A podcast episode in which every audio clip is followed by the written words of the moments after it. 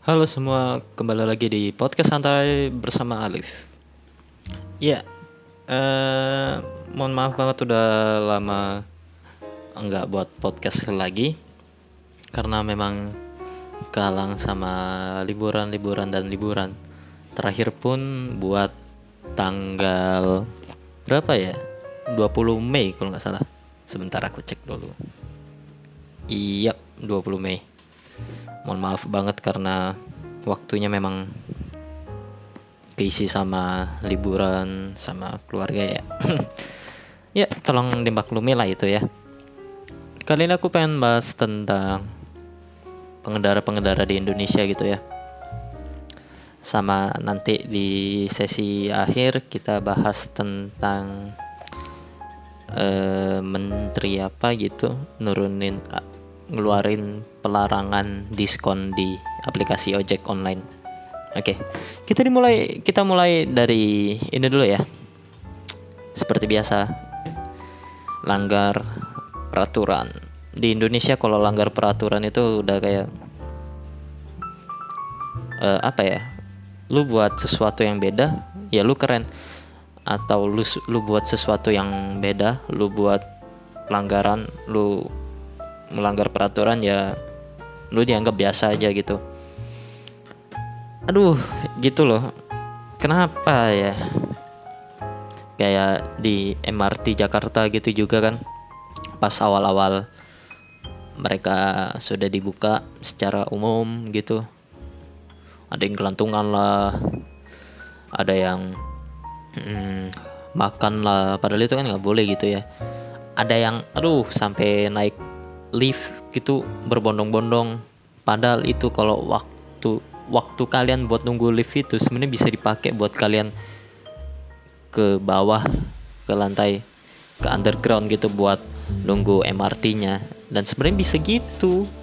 Terus kenapa gitu? Dan lift itu pun buat para disabilitas para para disabilitas untuk orang tua dan sebagainya yang sudah tidak sanggup lagi buat turun tangga atau naik tangga. Aduh, kenapa ya? Padahal kan peraturan itu dibuat untuk memberikan kenyamanan, memberikan keamanan juga gitu. Dan tapi tidak dengan kita. Kita lihat sudah biasa, kita langgar sudah biasa. Kalau kita ingatkan, yang langgar pun lebih galak biasanya. Biasanya lu buang sampah aja tuh udah kayak hal lumrah gitu. Dan aku setiap lihat perjalanan selalu paling tidak ada tiga sampah kecil ataupun sedang. Kita nggak ngomongin besar ya karena besar itu konteksku adalah kayak barang-barang rongsokan gitu. Itu yang maksudku konteksnya besar. Tapi yang barang-barang kecil dan sedang ini adalah barang-barang yang keseharian biasanya kita pakai. Yang di reuse atau non reuse atau non recycle gitu ya. Dan itu pun udah biasa. Walaupun kita kasih peraturan denda berapa juta lah penjara berapa berapa bulan berapa tahun ya agak ngaruh juga. Mereka tetap akan melanggar. Dan uh pengendara Indonesia terutama motor gitu ya kan ada tuh barusan tadi barusan tadi sore aku aku di jalanan dan ini memang sering lihat cuman kalau ngelihat itu terus kan aduh gerem banget itu rasanya. Jadi di lampu merah itu di beberapa kota di Indonesia lampu merah itu ada yang namanya yellow box. Dan yellow box itu adalah tempat di mana kita tidak pengendara tidak boleh ber, e, berhenti di situ jadi diharuskan ya jalan, tidak ada berhenti, tidak ada apa pun yang menghalangi uh, traffic.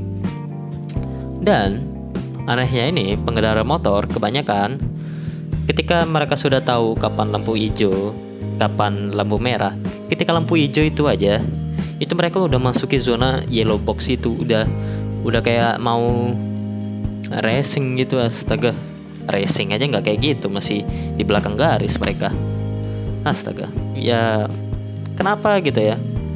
Di, udah dibuat peraturan yang buat orang senyaman mungkin buat melakukan perjalanan di kota mau apa pun itu. Uh gila. Apalagi yang uh dari zaman dulu nih dari awal-awal dari dulu nih udah lama. Zebra cross sama tempat orang jalan gitu buat pedestrian. Itu masih dikuasai sama pengendara-pengendara terutama motor ya. Kalau mobil memang jarang kita lihat. Kalau motor tuh memang udah yang jalannya pejalan kaki aja itu kadang dijalanin kadang dinaikin gitu ya sama pom, apa pengendara motor. Tapi untungnya aku udah nggak lihat lagi sih jalan di atas trotoar buat pedestrian. Uh untung udah gak lihat lagi. Tapi lucunya masih ada yang di depan yang berhentinya di depan atau di pas di zebra cross itu. Uh gila. Gerem banget itu rasanya. Tiap kali aku naik gojek tuh uh, kalau ada kalau bisa gitu aku ingetin drivernya buat mas coba mundur dikit aja ikutin peraturan gitu. Karena kan gimana ya peraturan kan dibuat untuk menyelamatkan dan menyamankan kita para pengendara ini para pengendara para penumpang dan pedestrian. Dan kalau misalnya ketabrak mental atau terjadi hal sesuatu yang tidak diinginkan eh, para pengendara yang tidak melanggar peraturan itu setidaknya bisa mengurangi resiko mereka uh, terkena faktor uh, terkena faktor apa ya terkena efek dari ininya apa namanya? Kecelakaan itu. Ya mau gimana lagi? Kalian harus ikutin peraturan itu. Dan mesti pasti mesti pes, mm, sorry mesti aja ada orang yang langgar peraturan dan selalu ngeluh kok kota kotaku kok negaraku selalu gini? Ini kenapa sih? Ini pemerintah nih nggak jelas bla bla bla bla bla bla. Aduh bapak pep ini nggak jelas ibu pep ini nggak jelas. Aduh mereka pada ngeluh padahal mereka sendiri yang melanggar gitu. Buang sampah.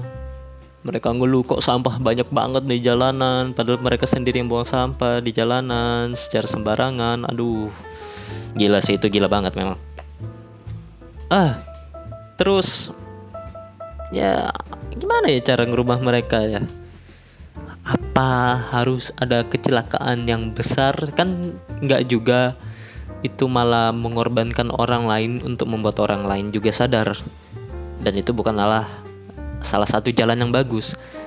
Salah satu jalan yang bagus adalah gunakan transportasi umum. Tapi gimana caranya kita pakai transportasi umum? Kalau kita punya transportasi uh, kendaraan pribadi, itu dia makanya mindset kita, duh, sayang sekali ya tidak. Hmm, kalau pakai ini kan kendaraan umum juga masih di Indonesia masih juga terbatas kan baru beberapa kota besar gitu yang punya transportasi umum. Atau udah banyak? Atau aku aja yang kurang update? Kalau misalnya udah banyak juga ya mungkin kurang nyaman gitu ya. Tapi kalau udah nyaman udah terpenuhi semua di hampir seluruh Indonesia ya. Kenapa kita masih ngeluh ya saatnya kita menggunakan kendaraan umum itu? Sesekali aja menggunakan kendaraan pribadi ketika kalian lagi di mau keluar kota gitu ada acara atau urusan apa gitu yang mengharuskan kalian pakai kendaraan pribadi kalian? Ya kayak gitu memang. Nah sekarang kita lanjut ke ini nih berita yang aku mau bahas tadi ya. Sebentar kita cari dulu. Di kemarin aku bacanya di kumparan.com sih. Ini dia mana mana mana. Di mana ke beritanya? Ya ini dia. Larangan diskon ojek online diperkirakan terbit Juni 2019 yang artinya bulan ini. Soal penghapusan diskon, Menteri Perhubungan Budi Karya Sumadi mengatakan tujuan terbitnya aturan tersebut adalah untuk melindungi pengemudi Selain itu, agar agar antar perusahaan penyedia aplikasi tidak saling mematikan. Terus uh, Pak Budi Karya juga berbicara nih di kantor Kemenhub. Itu yang kita ingin itu yang kita ingin tidak terjadi. Oleh karenanya kita sedang merancang suatu permen atau peraturan pem, peraturan menteri atau surat edaran yang melarang diskon. Melarang diskon. Dan menurutku ini adalah benar-benar bukan langkah yang uh, benar gitu, bukan solusi yang benar untuk menghindari persaingan yang tidak sehat antara perusahaan perusahaan uh, kenapa aku bilang gitu karena satu ini adalah instansi swasta perusahaan swasta yang di mana keputusan dan uang itu dari uang pribadi mereka atau uang swasta tersebut bukan campur aduk dari tangan pemerintah kalau memang kecuali ada di bawahannya pemerintah memang aplikasi ojek online tersebut di bawah pemerintah ya silakan. Tapi ini adalah konteksnya ojek online, Grab dan Gojek. Dan Grab dan Gojek ini kan dibangunnya di apa bukan di bawah pemerintah, di bawah nasional tapi swasta. Dan harusnya pemerintah itu nggak ada kuas kekuasaannya untuk merancang stra ini strategi ini karena masing-masing uh, pengusaha perusahaan itu punya strategi bisnis masing-masing untuk sukses untuk menuju ke puncak uh, ke puncaknya mereka ini. Kalau kayak gini kan eh, gimana ya? Uang lebih cepat kekuras gitu ya. Terus kedua uh, ini juga kan kalau untuk masalah di sini kan dari kutipan dari kutipannya ini adalah untuk oh ini perusahaan penyedia tidak saling mematikan. Nah, satu gini, untuk masalah perusahaan tidak saling mematikan adalah itu lebih konteksnya pada user, pada pelanggan. Dan orang itu punya hak masing-masing buat memilih uh, perusahaan yang mana yang ingin dipilih, uh, aplikasi mana yang ingin yang yang ingin mereka pilih. Mohon maaf. Uh, kemungkinan ada 60% pilih Grab atau 60% pilih Gojek atau sisanya gitu. Itu kan hak orang masing-masing. Dan itu pun kan juga gimana ya? Perusahaan swasta kan seharusnya pemerintah nasional tidak ada tidak ada urusannya dengan itu. Kalau kayak gitu terus ya duit gue habis anjir. Gojek aja kalau gue naik Gojek aja tanpa diskon udah berapa habisnya? 20 2 22 ribu gitu. Kalau pulang pergi udah 44 ribu Gopay biasanya gue sering diisi 50 ribu gitu sama orang tua. Dan habisnya tuh berapa coba? Kalian itu sendiri 6 ribu sisa. Gue pulang naik apa gitu? Kalau misalnya uang saku habis kan aduh sayang banget gitu mau mau ngapain mau pulang mau pulang gimana? Duitnya boros amat pakai GoPay pakai OVO. Hah kalau ada diskon kan terbantu gitu ya yang anak muda yang sekolah yang uh, orang kantoran pulang mereka rata-rata 50 ribu itu masih aman karena ada diskon bisa bertahan 4 sampai 5 hari kalau rumah juga deket ya malah bisa seminggu. Itu dia. Ya, seharusnya pemerintah tidak ikut campur. Ya.